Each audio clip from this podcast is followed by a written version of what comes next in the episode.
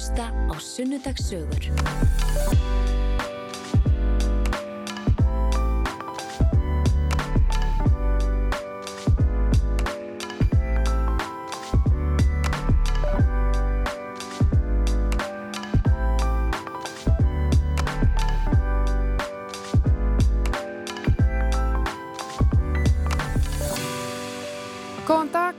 Hlustendur og velkomin í Sunnudagssögur. Ég heiti Júlia Marget Einarstóttir og ætla að stýra þættinum í þessum mars mánuði. Þemað okkar að þessu sinni er hefni. Ég ætla að tala um fólk sem hefur lendið einhvers konar láni í lífinu sem hefur haft mótandi áhrif á þau. Og þeirra meðal er einmitt gestudagsins Pétur Georg Markan, biskupsreitari. Hann er mikill sagnamaður, hann er fótbolta og kórdrengur úr fórsvöginum sem fann stundum flókið að vera úlingur. Hann ætla meðalans að segja mig frá því þegar að fadur hans lest úr krabbamenni, eh, frá örlaðaríku símtali sem hann átti við sýstur sína og eftirparti sem átti eftir að reynast einnig mikill örlaðavaldur. Ég ætla að ræða þetta allt saman við Pétur og eftir, við ætlum að ná okkur í kaffi og koma okkur vel fyrir og ég heyri ykkur eftir skamastund.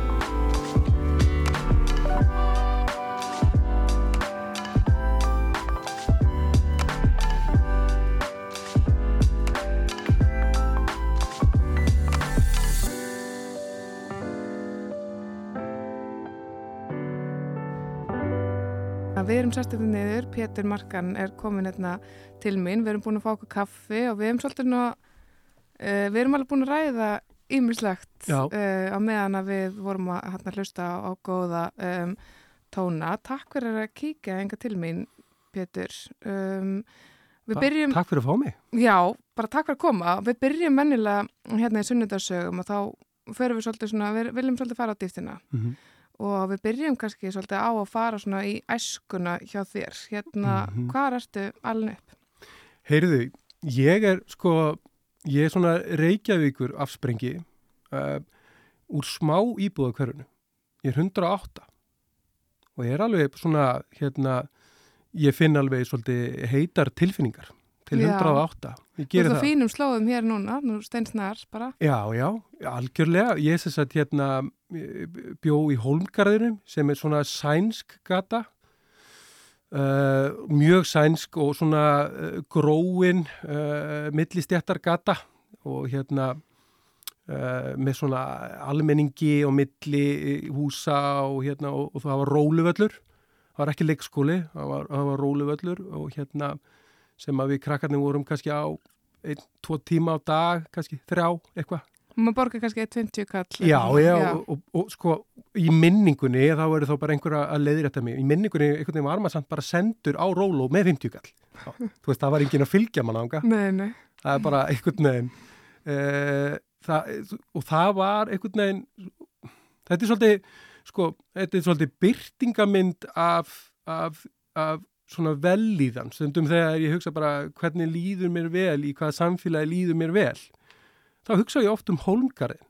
Þetta var einhvern veginn svona, þetta var svona fullkomlega örug, æska, um, óbúslega hérna vinamörg uh, og krakkarnir einhvern veginn leku úti uh, bara einhvern veginn mort svo...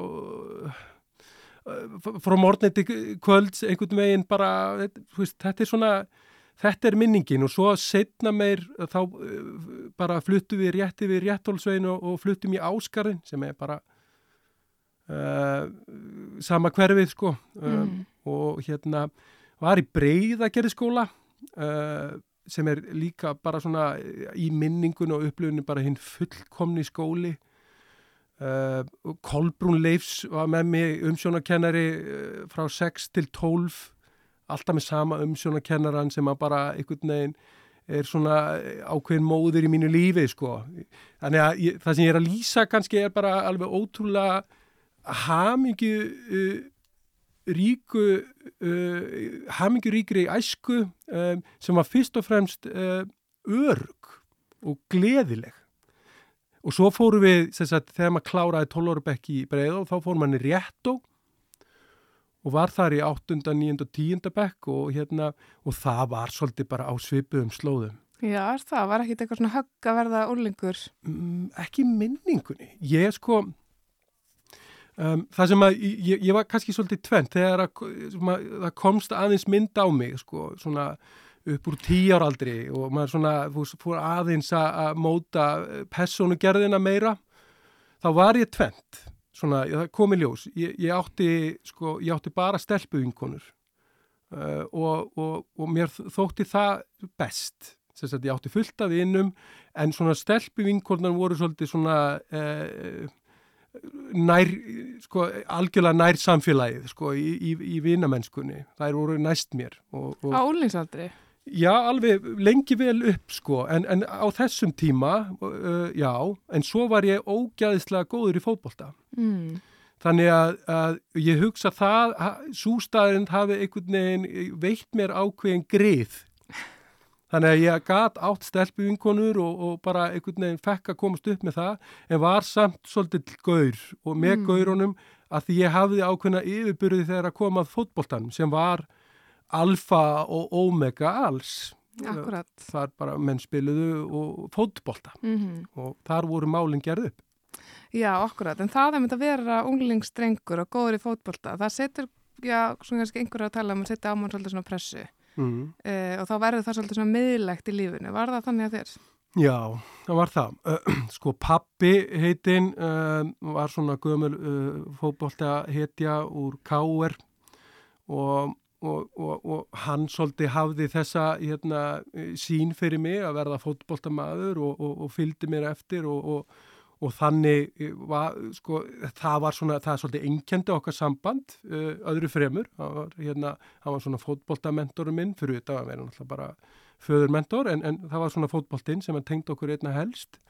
Um, þannig að, uh, en ég man til dæmis eftir að, að ég, ég var óþekkur, tók svona óþekktar tímabil á, þannig að, að mamma fekk nóga af svona tímabili og, hótaði því að ég myndi bara hætta á fótbolta.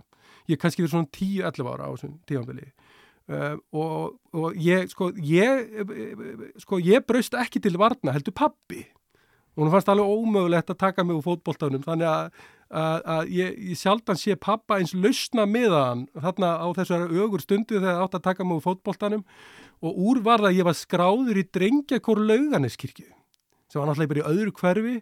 Um, og þar átti svolítið að koma aganum sko einhvern veginn yfir mig og hérna og, og, og aga mig til. Þannig að ég var sagt, skráður í, í drengjakór lögarnarskirkju og var, að, var í honum með fram fótboltanum og það, viðstu, ég held að hafi bara gengið eftir ég held Já. að hafi bara haft tilætluð áhrif á einhverju mm. leti nema við fórum til Flórida í kórferð og hérna Og, og bara einn, ég var tíu sér, eh, bara með 50 galli vasarum, leiðan og róló eitthvað, með bara til Florida eitthvað hérna og og ég mani, ég var einhverju molli í St. Petersburg og ég er að átta mig á því einhvern veginn á sko krónu dollar að það var eitthvað eitthvað, eitthvað ójabæði þarna. Og ég gætt fengið ógrin af nammi fyrir sko ekki nokkuð skapaðan hlut sko, bara fyrir engan pening ógrin af nammi. En það var mikill ægi í kórnum þannig að það mátti semst ekki borða nammi e, eða drekka gós í ferðinni, allri. Það er alveg gróft. Já, bara, sko, já, gott að þú sagði það. Hérna, að mér fannst það nefnilega líka og, hérna, og ég, nefn, ég bara stóðst ekki mátið og ég man hérna í málinu, kaupi ég, veist, fyrir þrjá dólara og bara nammið sem ég fekk fyrir þrjá dólara var bara eitthvað, bara eitthvað, ég aldrei sé svona aður mm, og ég var nappaður. Nú. og nammi var gert upptækt. Já, já. og ég náttúrulega bara misti vitið í mólinu þegar að ég, veginn þegar nammi var gert upptækt. Þannig að ég strauk og faldi mig í einhverju vestlun og ég áttaði mig ekki á því þá veita og skilða núna þegar ég á sjálfur börn og svona einhvern veginn er búin að átta mig á því hvað heimurum getur verið hættulegur upp námið þegar það var verið að leita af mér og ég var einhver staðar, þú veist, í einhverju fattaveslun og, og þú veist uh, faldi mig á bakvið einhverja nærfattaslá sko, þú veist, og svo þegar ég var gripin já, bara því gleymi ég aldrei með ég lifi, sko. Það var bara, já, það var einhvert elsku mamma En hérna var það að koma þar stið, þú var búið að láta fóröldurinn að vita að drengurinn verið týndur? Já, já, bara, það var Úf. í alverðinni bara, það var uh, rauður kóði á, á leitinni, sko.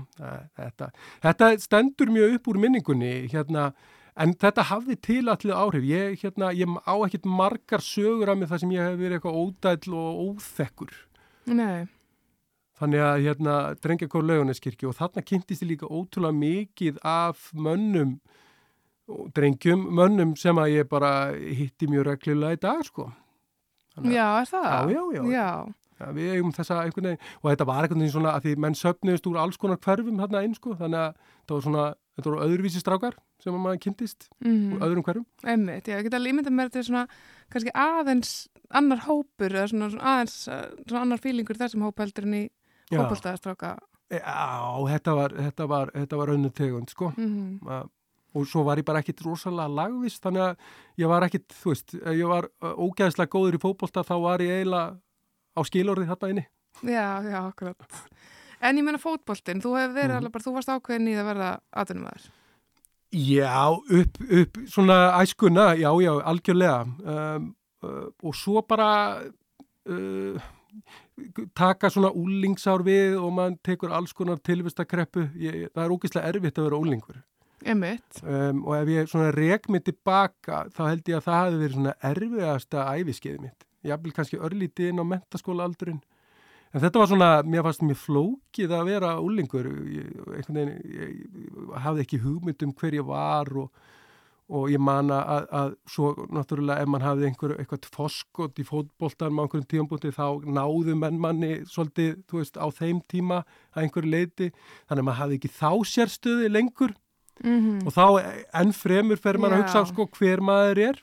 Kemur þessi kreppa um, en ég man sko að og það alveg fylgdi mér sko lengi vel. Uh, sko pappi deyr síðan þegar ég er 16 og þá fór ég til dæmis í heilmikla svona kreppu með þetta. Uh, og hætti að spila fótbolta með þess ég var á úlingasamningi fram og hérna og bara hætti og hérna og í raun og veru byrjaði ekki aftur fyrir en ég fór vestur að spila fótbolta þegar ég var 19 mm sem að kannski við komum að eftir. Já, þetta akkurat er svona, þú veist en ég held sko þú veist, 108 eh, svona 108 dýr vikingur uppalinn eh, með ótrúlega svona hefðbundna æsku. Ég held að það sé svona, Mhm. svona Og hvernig var svona fjölskyldu minnstrið, hvernig er það? ég á sem sagt tvær eldri systur uh, og hérna og við áttum og höfum alltaf átt rosalega gott samband, við erum náinn sískin, ég, ég vil menna það og hérna þannig að það bara, þú veist, í minningunni oft uh, gekk á ymsu á heimilinu en, en allt í góðu. Mm þú veist, það er svona tilfinningin. Og mér finnst þetta vera oft uh, forréttindi ef ég á að segja eins og er. Mér finnst ég vera mjög mikið í kringum fólk sem að er að gera upp æsku sína að einhverju leiti og alls konar leiti um, þannig að mér finnst þetta vera mikil forréttindi og kannski svona fyrsta atriði sem við getum talað um hér uh, hvort sem við köllum það hefniða lán. Veist, þetta er ákveðið lán í lífinu að, að, að eiga uppbyggilega og öruga æsku. Já, ég bara get algjörlega tekið undir það og það myndi svona samheldin fjölskylda. En það verður þarna, þú lendir þarna í, í nokkru áfalli og ert á erfiðum aldrei, ég meina 16 ára gamall að missa föðuðinn og þið náttúrulega svona nánir einhvern veginn í þessum fótbolta og þessi föður ímynd. Já, um, getur eitthvað sagt mér hvernig þetta var? sko pappi deyr úr lúnakrabba um, og það bar raun og veru svolítið fljótt að. Og það hefur eh, sko mótandi áhrif á fjölskyldu bara frá og með þeim tímabúndi. Það er einhvern veginn en, en mann náttúrulega lærir að lifa með uh, sorginni og þetta hættir þetta að vera sorg í, í, í, því, í því tilliti en þetta fylgir alltaf þetta, er, þetta, er, þetta, þetta, svona, mótar fjölskylduna uh, mjög mikið og þetta mótar mig, ég menna svo verð ég pappi sjálfur fadir um, og þetta mótar mig mjög mikið bara hvernig ég nálgast börni mín uh, hvernig ég með tíman hvað ég set á oddin uh, hver, hver er fókusin þetta er bara, þú veist, ég geti haldið áfram að telja bara uh, endalaust. Um, en þetta líka þroska mann ótrúlega mikið uh, margt í, í þessu ferli ægslaðist þannig að mjög svona stór atriði í fjölskyldinni hef ég tekið ábyrð á um, þannig að svona með tíð og tíma þá hefur ég verið með meiri ábyrð svona ákveðið föður hlutverk kannski inn í fjölskylduna. Uh, mamma uh, giftist aldrei aftur og er ekki átt uh, lífsförunönd eftir, eftir, eftir fráfall pappa hún er ekki nema, hún er yngri en ég þegar þetta er sko. Já, það er sakalegt Þannig að, þú veist, og það, allt þetta, bara, jú, jú mótar fjölskyldu alveg heilmikið en þroskar mann líka, mm -hmm. veist, maður er, ég líka með það þannig að ég er maðurinn í dag eh, vegna þess að þú hefur glýmt við alls konar verkefni. Mm -hmm. um, þannig að ég líti ekki beint tilbaka og, og, og horfa á þetta sem, sko, um, einhvern veginn svona stóra áfallið í lífinu en þetta er, þetta er gríðala mótandi og ég vildi óska þess oft að ég væri með pappa sem var mjög handlæðin, yðnaðamaður, eh, pípularningamæður þegar ég er nú að, að negla í puttan á mér í átjánda skiptið heima einhvern veginn eða að klóra mér í haustum með vastlögnunum sko. Veist, jú, þá saknaði þess mjög að, að, að eigi ekki pappa eða þú veist að fara, ég, ég veiði og, og hérna að fara ekki í veiðiferðið með pappa sínum. Ég saknaði þess mjög sko. Og ég fann núna í desember uh, þá fóru við uh, uh, Hörður Markus sem er eldsti strákurinn minn, við fórum saman í fyrsta skipta veiða, fórum á rjúpu. Og ég hugsaði sko hvað ég væri að gladur að geta átt þessa stund með honum. Og svo hugsaði ég líka hvað ég hefði viljað eiga þessa stundir með pappa mínum sko. Mm -hmm. Þannig að, jú, þetta mótar, þetta gerir það algjörlega, mm -hmm. en mhm. þetta gerir því líka að þeim manni sem maður er. Já, sko ummitt að þú lýsið, ég menna, þú ert 16 ára gammal og þú ert svolítið svona litla grútið í fjölskyldinu, þú ert yngstur og hérna, veginn e, frá því, ég menn, á þessum úrlingsaldri sem ég menn er svo flókin, einhvern veginn, í að vera svona einhvern veginn litla dúlan í hérna þessari svona nokkuð, já, svona góðu, svona fallið æsku, einhvern veginn í um að takast á við þetta nýja Já. hlutverk. Man getur alveg ímyndið sér að það, það hlýtur að marka einhver svona kvörf. Já, það er það, sko. Uh, uh, og, og ég menn í fjölskyldunum er alveg hægt að tala um fyrir og eftir. Það er alveg hægt, sko. Mm -hmm. um, og svo bara, sko, það er nú ekkit svo langt síðan við sískinin uh, fórum að ræða svolítið bara, þú veist, okkar upplifun af þessu og og hver pappi var fyrir okkur. Það var ótrúlega gott samtal. Kemur í ljósa að við eigum að mörguleiti daldi ólíka myndir af þessum sama manni sem er eðlilegt. En það er ótrúlega gott að geta átt þetta samtal. Um, og, og þá til dæmis e, fann ég út að það voru ákveðinu eiginleikar í honum sem að e, ég hafði til dæmis ekki upplifað sem voru mjög um, bara flottir geggjaðir eiginleikar, sem að, hérna, og skapgeð sem að sko, kannski byrtist mér ekki en byrtist þeim. Mm -hmm. Þetta er bara, og ég held að allt þetta um, er, er eðlilegt og góð úrvinnsla um, og ég held að, en, en, en, en takt eftir það sem að náttúrulega gerir þetta kleift eru orðinmanns að tala mm -hmm. saman mm -hmm. og ég held að, að, að það sé til dæmis sko einhvern vannmettnasta úrvinnslutæki bara, bara hvort sem að eru bara, veist, kollegar, fjölskylda, vinir eh, til þess að finna út um hlutina, að bara tala, tala meira, tala út um hlutina, tala opið um hlutina og að því það, veist, og svo hérna kannski það sem við vonum bara að ræða rétt á að hérna útsendingin uh, hófst að hlusta. Og þú varst með reyndar alveg ótrúlega góðan punkt sem að ég bara lifir ennþa í, svolítið í hausnum á mér. Um, að við hlustum kannski of lítið tölum en hlustum of lítið mm -hmm. þannig að við setjum okkur í spór annara og, og, og svolítið metum veröldina út frá einhverjum öðrum stað en við stöndum sjálf á mm -hmm. og hjálpum mér held hvað þetta er gott og nöðsilegt úrvinnslutæki bara í stórum og smáum uh, verkefnum. Algjörlega. En það er með tímuna að, að tala og hlusta, er það eitthvað sem þú hefur átt alltaf auðvelt með tilhengar? Tala. Tala alltaf. Já, Já. alveg, mm. alveg, sko, uh, ég hef alltaf verið rosa, sko, orðin er rosa mikilvæg í mínu lífi um, og það til dæmis geraði verkum og þetta þetta er mikið og upplugt verkvar í mínu lífi, það er að tala og nota orðin mín um, í alls konar hérna, í alls konar myndum og, og, og, og í, svona í alls konar uh, by, alls konar úrvinnslu en ég hugsa að það sem ég mætti tilenga með betur í lífinu er að hlusta og bara heyra eftir bergmálunni í kringum mig sko.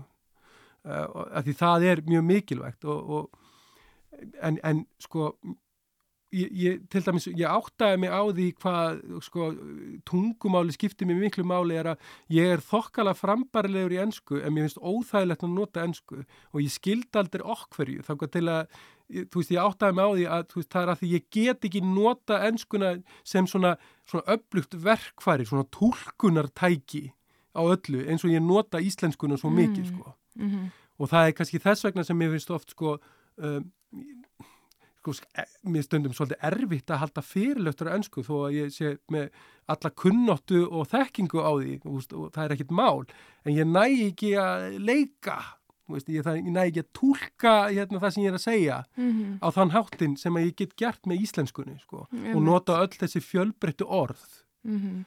um, og það er kannski, þú veist, uh, já ég, ég, ég finnst gott að tala sko. Rástföð Fyrst og fremst Við erum Rástfö. Ég siti hérna ennþá með honum Pétri Markan og þú ert auðvitað að hlusta á sunnudagssögur. Við erum búin að vera að tala svolítið mikilvægi þess að hlusta en Pétur var að segja mér að hann hafi sérstaklega gaman að því að tala og ég held að þeim sem eru er búin að vera að hlusta þáttinn sé það algjörlega ljóst. Sko, fyrir, fyrir að segja þetta við, ég fullar um manninni, menn þú ert með hérna, tungumáli og orðaforðan hefur þú veist, lastu mikið til dæmis sem krakki? Já, Já. alveg ótrúlega mikið Já, með grunnaða sko. um, og svona uh, alls konar barnabækur og var alveg húgt á barnabókum.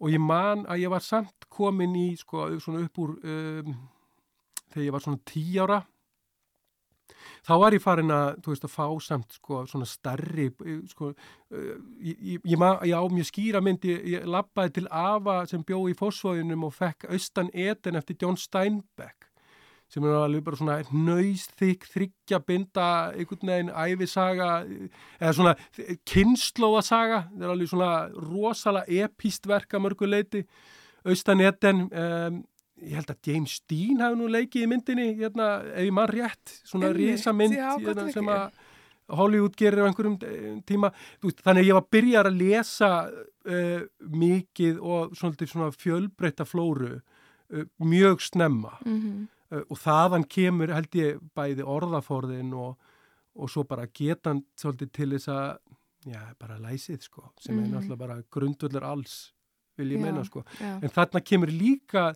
uh, sko ég hef alltaf verið upptekinn af sögum um, og að segja sögur og það er svo mikilvægt að, að átta sig á sko að sögur er í raun og veru bara okkar leið til þess að setja samengi í alla hluti og að því vorum að ræða lán og hefni mm -hmm.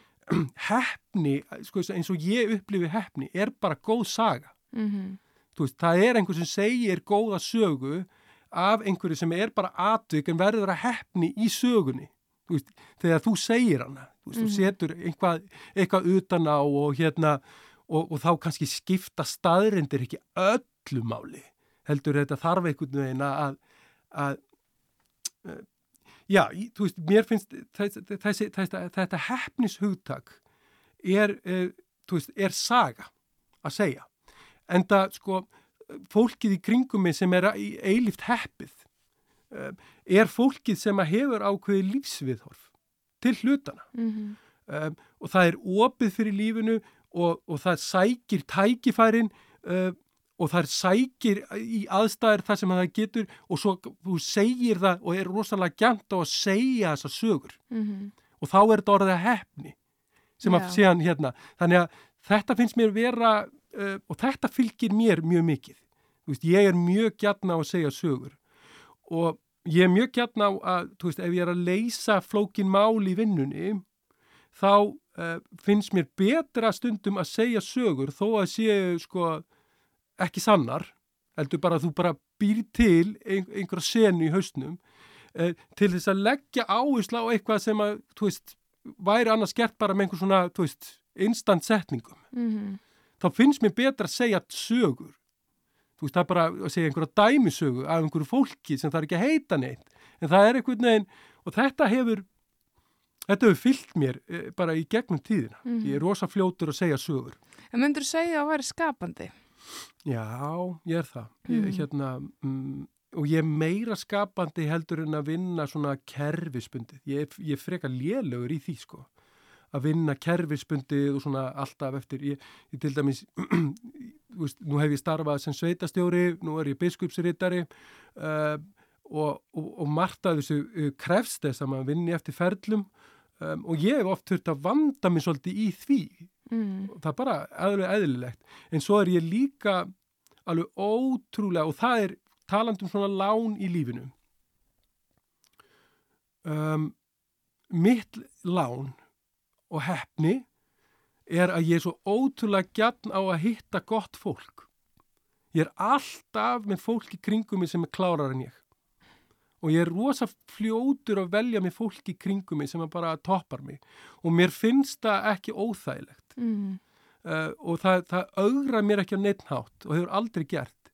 Þannig að bara sem gott dæmi þegar ég tók við sem sveitastjóri fyrir vestan þá var það fyrsta sem ég gerði var að velja mér alveg ótrúlega öflugan fjármálastjóra, skrifstu og fjármálastjóra og að því ég vissi að ég, þú, mér, ég hafði miklar ambisjónir að fara í ákveðin umbótaverkefni og og koma sveitafélaginu svolítið í umræðuna og, og svona, svona starri verkefni hilluðu mig en ég þurfti alltaf að halda virkið, Já. passa það. Mm Þannig að veist, þá er þetta fyrsta sem ég gerði var að sko, ráða einn manneski sem að bara gjörsamlega toppaði með öllum sviðum þar.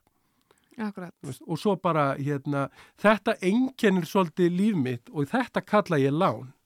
Og ég, þetta hefur svolítið verið rauði þráðurinn í mínu lífi. Ég er Mhm. alltaf með fólk í kringum mig sem er klárar en ég. Já, það getur hérna aldeilis uh, borga sig og vera svolítið svona einhvern veginn svona, þú veist, það þorst að geta verið einhvern svona leikstjóri og koma hérna réttu mannskjörinu í, í, í rétt hlutverk. Mm. En hérna, en við vorum sko, þú varst 16 ára, um, hvert ferður svo í mentaskóla? Sko, ég var hérna, ég var í ármúlaskóla uh, í, og var á í, félagsfræði, íþróttafræði brauð þar. Var nú bara mest megnis í félagslífinu, var formað nefndafélagsins, það var nú það sem heitlaði mig mest í lífinu.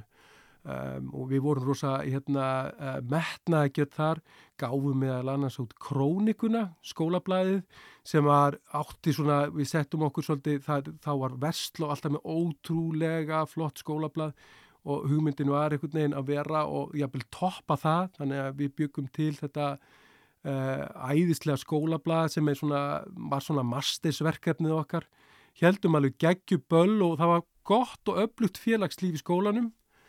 En svo hérna uh, uh, atvikast að þannig, ég flutta heimann, sumarið þarna, mér langar að segja 2000, ní, 2000 ég ætla að segja ekki sumarið 2000, eða ég er svo lélega með tölur maður. Allan þá flytti ég að heimann og hérna, og við flytjum saman ég og Steini frændi. Steini frændi er sem sagt hérna uh, sonur hennar Bryndísar sem er sýstir hennar mömmu. Þær eru ofsalega nánar, sýstur hafa alltaf verið og fjölskyldana nánar og Bryndís bjó fyrir vestan á Ísafyrði, var með fjölskyldunum sína þar. Hún hafði mér þess að farið þanga í mentaskóla og skoti rótum. Þannig að ég var oft fyrir vestan, svona sem barn, allavega, Steini að, þarna er sjómar, ég hlýta mig að segja þessu sögu, ég hérna, það má alveg, hann er honum virðulegu frangatastjóri fyrir vestan, en hann verður bara að heyra þetta. Ok. Hérna, þetta er alltaf góð saga til þess að láta hann ekki heyrast. Mhm. ég, sko, við sem sagt búum saman þetta hérna, sumar, hann er á sjónum og kemur í land svona og þá er rosa mikið partí og gaman að vera til. Og í minningunni var bara sól og hiti og bara eilif gleði og alltaf gaman, einhvern veginn. Og einhver, einhverja helgina þá erum við að, að, að bara úti á lífinu að skemmt okkur eins og mann gerir á þessum aldri og hérna og svo er einhvern veginn stöðunum lokað og við bjóðum í eftirparti Þið byggum neyri bæ, eða ekki? hallvegastignum í svona smá kjallarahólu og hérna með litlum klökkum, mikilvægt, hérna með litlum klökkum og nema það að við vorum það vel uppaldir og hérna og séðaðir að við förum á undan uh, fólkinu til þess að taka hans til. Það var einhvern veginn mögulega, þú veist, ekki uh, svona út frá svona heilbyrðisjónamöðum, ekki fært inn í íbúðuna. Þannig að við förum alltaf á vissum aðeins, þannig að við förum á undan og ætlum að taka til. Þegar við komum að húsinu og þá hérna uh, Uh, þú veist, er samtalegun svona, með liklana? Nei, þú veist, þú ert með liklana? Nei, þú veist, þú sagðist við erum með liklana? Nei, þú, þú veist, allavega þetta samtal verður einhvern veginn tangotilega áttum okkur báðir að við erum korugum í likla og við erum læstir úti aftur. Og búin að bjóða fólk heim og fyrir. Já, já, mm. þannig að, en Steini á tvö ára á mig, aðeins hérna og búin að vera sjónu, þannig að hann er búin að sigla svolítið hérna eh, ölduna, sko, stíga ölduna, þannig að hann var aðeins klára en ég, þannig að hann reyndi svona við eitt klukkan sem var opið, hann var bara eitt klukki opið, hann reyni við hann eitthvað hérna og reyfnir fer úr og ofan mikilvægt. Uh, og svona uh, mátar, mátar sig eitthvað á klukkanum og svo bara næ, ég kemst ekki í gegn ég, eitthvað, hann er, hann átti kannski einhver kíla á mig sko, hann var hans stærri þannig að, þú veist, svo segir hann eitthvað Pétur, þú voru að prófa, eitthvað, og ég fer úr og ofan og hérna, og reyna einhvern veginn að komast inn um klukkan nema það að hérna, og hann, þú veist, leiðbinni mér hendurnar á undan einhvern veginn og ég fer með hendurnar á undan og svo var svona stormjátt líka, þannig að það er svona pinni sem að stóð upp úr klukkanum og hann var svona einstremislóki, hann svona vísaði aðeins inn. Þannig hann mann með manni þegar ég var að reyna að tróða mér inn með höndurnar undan en alveg, þú veist, var hann ekkit með manni þegar mann alltaf er að reyna að komast út allavega, þarna erum við að reyna að mynda okkur við gluggan og Steini að peppa mig áfram einhvern veginn, þú veist, þú getur þetta einhvern veginn. Og svo hafði Steini líka lesið um einhvers konar öndunaræfingar fyrir konur sem eru í, í fæðingarhýðum mm, og það ætti einhvern veginn að draga saman. Þú veist, þetta er náttúrulega algjör þvæla en ég trúði því þarna pastur í glugganum. Þannig að hann andar með mér einhvern veginn og, og, og, og það er ekkert að gerast. Þú veist, ég er bara, einhvern veginn, þú veist, og þannig ég segja, þetta, þetta er bara, að, þú veist, ég, ég vildi meina, ég var ekki fastur á þessu tímapunkti. Nei. En ég, svona, Steini, þetta, er, þetta gengur ekki, uh, við þurfum að finna einhver aðra leið, eitthvað, og þá segir Steini eina tilrinni viðbútt og þú veist, og bara, nú andar einhvern veginn allt í gegn einhvern veginn og sundur og saman og bara, þú veist, og ég bara, og við látum vaða, e, þú veist, í síðast skipti. Og það gerðist eitthvað. Og ég bara losnaði og bara, en ég festist á mjöðmónum. Og þú andar ekkert mjöðmyrna saman Þannig þarna er komin bara komið ástand og þarna þurfum við bara einhverja úrlust mála. Þannig ég segi ringd og smið. Það sem er óutskýrt í þessu öllu saman er að án, staðin fyrir að ringja og smið það ákveður steini að klæða mig úr buksunum. Þannig þarna er ég fastur, allsper, í, í, þú veist, bara í kjallaraklöka á hallvegastíknum ofbóðslega reyður út í lífið og hann og alla og einhvern veginn spriklandi á samt ekki einhvern veginn hægt að sprikla. Ég er bara fastur og, veist, og ég heyri svona kliðin mm. og fólki nálgast. Um, það sem er óutskýrt líka og Stein hefur aldrei náða að útskýra nægilega vel er okkur var hann sjálfur komin úr buksunum á þessum tífambili hann, hann var sjálfur komin úr buksunum hann var, hann var nefnilega á nærbuksunum, það var algjör óþarfi veist, og það á til dæmis eftir að útskýra þetta betur. En allavega að þegar við heyrum kliðin uh, fólki nálgast og svo kemur það inn í garðin og það er bara, þú veist, einmitt, þetta er að gerast.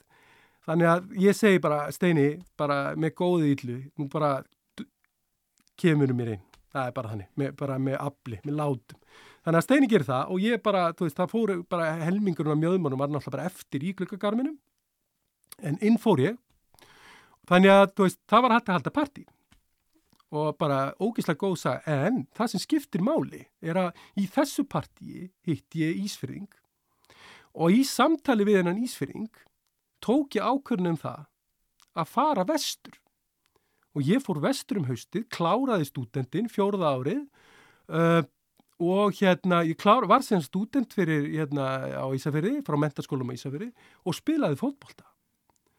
Uh, og það einhvern veginn, fúst fór ég aftur einhvern veginn í þetta fótbolta hlutverk og, og, hérna, og var það manni svolítið, eh, var ungur uh, en var samt fyrirlið í liðinu, tók ábyrð á því, tók ábyrð á sjálfu mér, uh, varð ástfangin, uh, þú veist, ég var bara manni, þannig að hérna, og Ísafjörður og Vestfjörður einhvern veginn eignust einhverja hlutild í mér sem hefur aldrei einhvern veginn þú veist, er ennþá til staðar.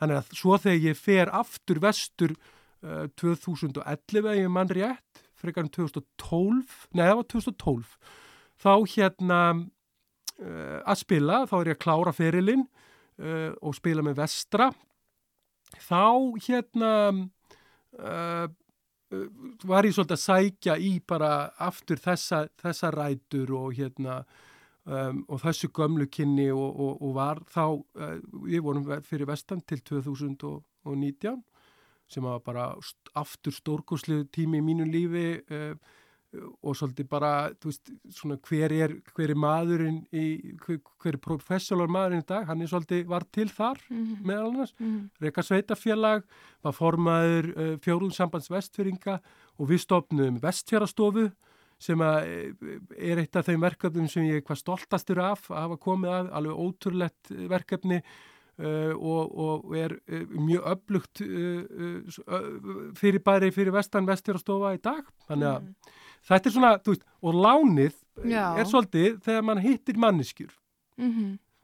á förnum vegi fyrir tilviljun en ég held samt sko að veist, þessi, þetta væri ekki veist, þessi saga sem ég var að segja það er hefnin og þetta væri sjálfur sér ekki hefnin nema þessi saga myndi fylgja með. Já, og já. það er nákvæmlega það sem ég myndi, myndist að áðan. Þetta, þú sögurnar eru allt í lífin okkar ef að á að verða sko merkingabært mm -hmm. þú veist, ef við ætlum að setja einhverja merkingu í þetta og, og annað.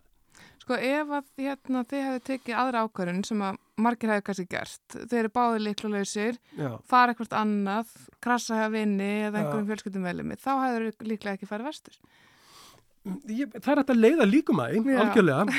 Uh, þannig að hérna sko og þá kannski hefði leið, leiðin leið eitthvað annað, ég er ekki að segja það hérna, en ég er mitt lán í lífunu ég, veist, ég er til dæmis að hafa að fara vestur mm -hmm. hafa starfa fyrir vestan kynst vestfyringum um, og það til dæmis, það lifir alltaf í mér svona, þú veist, ég, þó ég hafi flutt söður aftur 2019 þá er ég oft svona í huganum alltaf svona, þú veist, svo litið á leiðinu vestur.